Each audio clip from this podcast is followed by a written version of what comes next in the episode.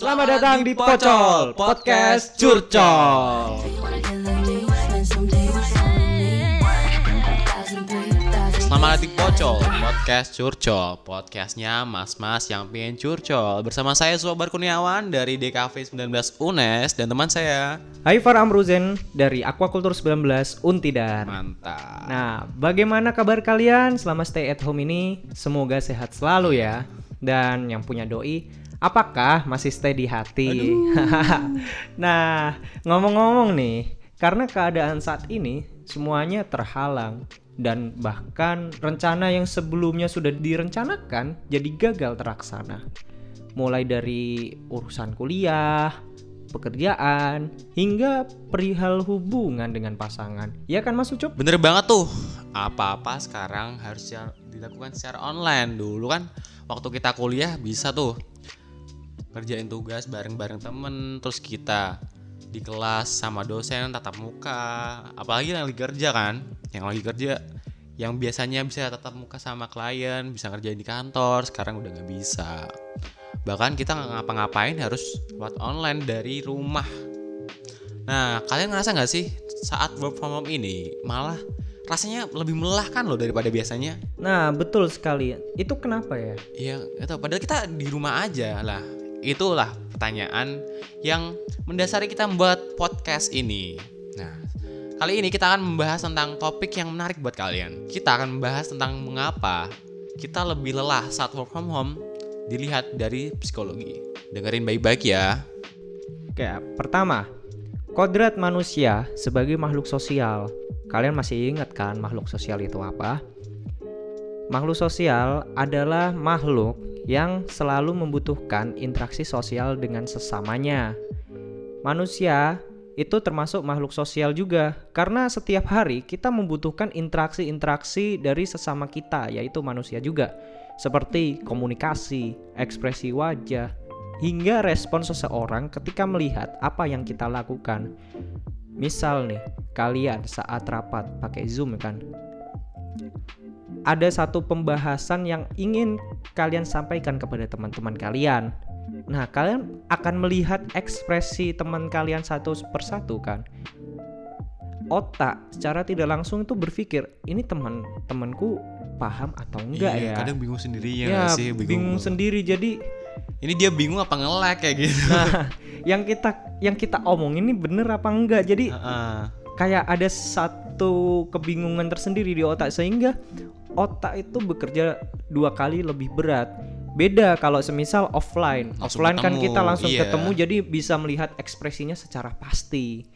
Nah, hal ini di psikologi disebut sebagai Zoom fetish. Tapi tidak menutup kemungkinan aplikasi yang lain tidak hanya Zoom seperti Google Meet, Skype. dan Google Hangout, Hangout. Google Hangout. Dan yang kedua, yang kedua yaitu batas antara rumah dengan ruang kerja yang abu-abu. Apa itu? Misal nih, kalian ngerjain tugas kuliah itu di kamar. Dan kamar itu juga tempat kalian buat istirahat. Nah, sehingga batas antara kuliah dan kalian istirahat itu nggak ada. Jadi kalian ngelakuin kuliah dan istirahat di satu tempat. Nah, itu yang bikin otak kalian jadi mikirnya kurang jelas kayak gitu. Otak akan merespon keadaan tersebut sehingga otak akan bekerja lebih berat. Karena saat bekerja kita masih di tempat sama saat kita beristirahat. Contohnya kayak kita mahasiswa gini. Pernah lah ada di momen kalian waktu bangun tidur tahu-tahu ada tugas dari dosen ya nggak sih kaget banget Iya. dari grup.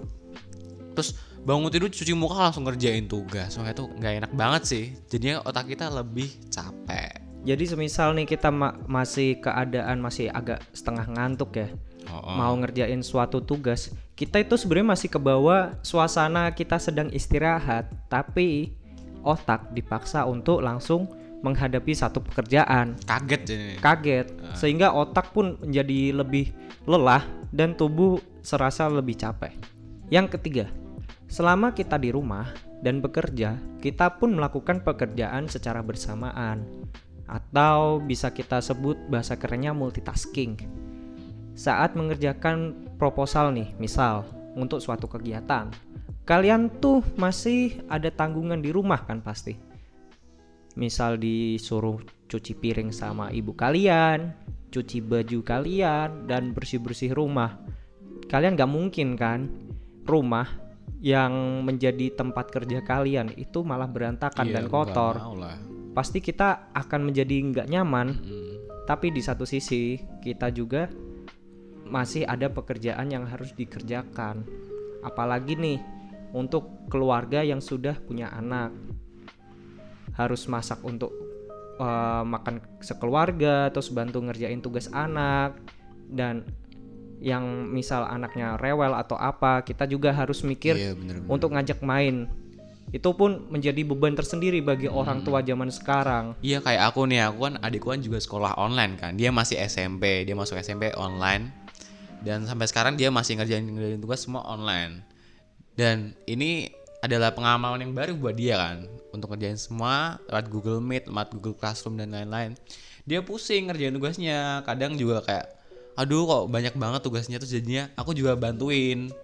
Padahal aku juga masih ada tugas sendiri dari kuliahku sendiri, jadinya nambah pikiran lagi. Jadi kita cukup harus bersabar lah dalam menghadapi hal ini. Dan yang terakhir nih, selama pandemi ini kita sebenarnya sedang berduka. Oh, berduka? Kayak apa Iya. tuh berdukanya? Kenapa berduka? Karena kita sebagai makhluk sosial, kita kehilangan kegiatan-kegiatan yang selama ini kita lakukan sebagai kodratnya makhluk sosial. Oh, gitu. Iya, sebelumnya kita kan ke kampus bareng-bareng, terus misal lagi istirahat makan di kantin bareng-bareng. Oh iya. Tapi Bener-bener. gara-gara pandemi ini kita terpaksa kita harus ngerjain semuanya di rumah sendirian dan nggak ada teman-teman. Jadinya kita kayak makhluk individual gitu. Berarti kita berdukanya itu kehilangan oleh momen kebersamaannya gitu ya? Yap, bener banget. Sehingga kita ngerasa ada yang kurang Oh, sebagai iya. makhluk sosial. Kasihan banget tuh yang jomblo ya. Iya, udah semakin- udah kehilangan momen kebersamaan jomblo lagi. Semakin tersiksa. eh, tapi ngomong-ngomong kita juga jomblo, Bos. oh iya. iya, kita juga jomblo. Oke, kita lupakan. Selanjutnya. Oke, dari semua materi yang kita sampaikan, kita juga ngasih tips-tips nih buat kalian supaya work from home-nya nggak lelah dan semakin have fun. Kayak pertama, buatlah batas antara tempat kerja dengan tempat istirahat. Kalian saat akan mengerjakan pekerjaan kampus atau kantor, usahakan jangan di kamar. Kerjakan aja tuh, misal di ruang tamu atau di depan TV atau di ruangan lain lah. Dan Kalau penting nggak nggak di kamar sama kita yang di rumah. nah kalau bisa jangan di Iya. kamar karena kalau kita masih berdekatan dengan kasur, kita itu perasaannya tuh masih pengen tidur gitu pengen kan. rebahan mulu rasanya. Setiap hari pengen rebahan.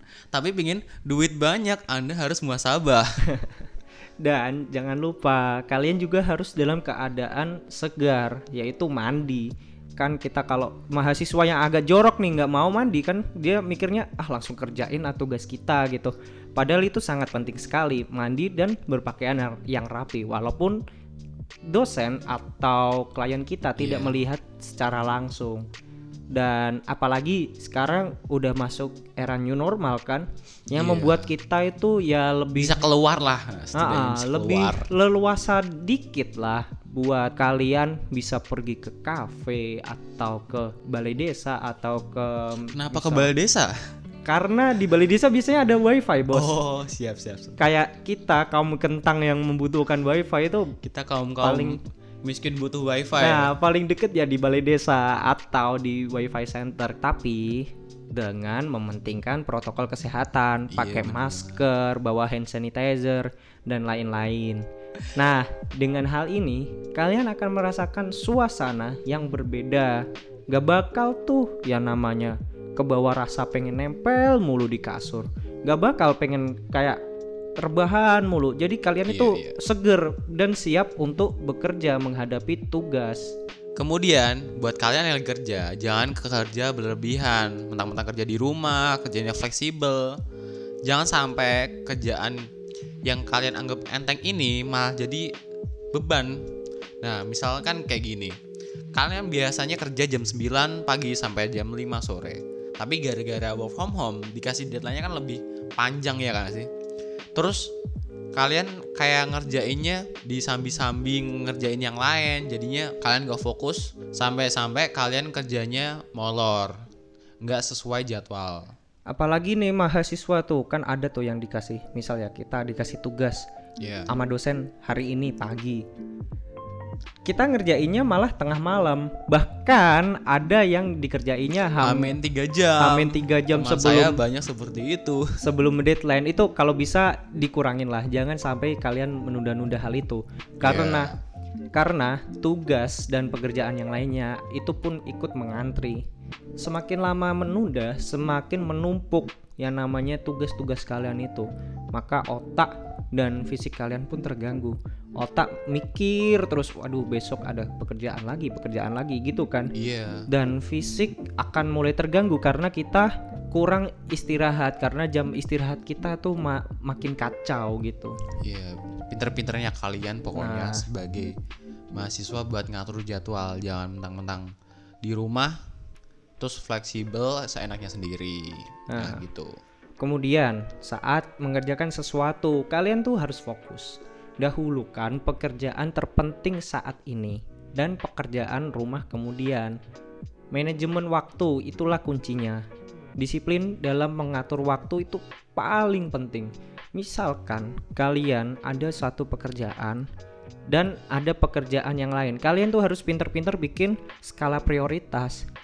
Yang mana yang paling prioritas itu kerjakan, fokus, jangan disambi.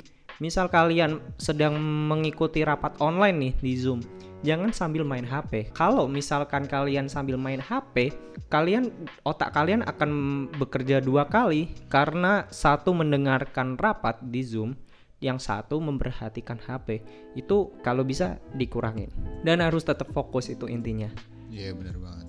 Dan mungkin itu aja sih sedikit cara untuk mencegah kelelahan saat WFH. Asalkan ada usaha untuk menjadikan WFH selama stay at home ini menjadi rutinitas yang menyenangkan tanpa beban apa pun, itu pun bisa mengurangi rasa capek tersebut. Iya, bener banget. Yang penting apa intinya?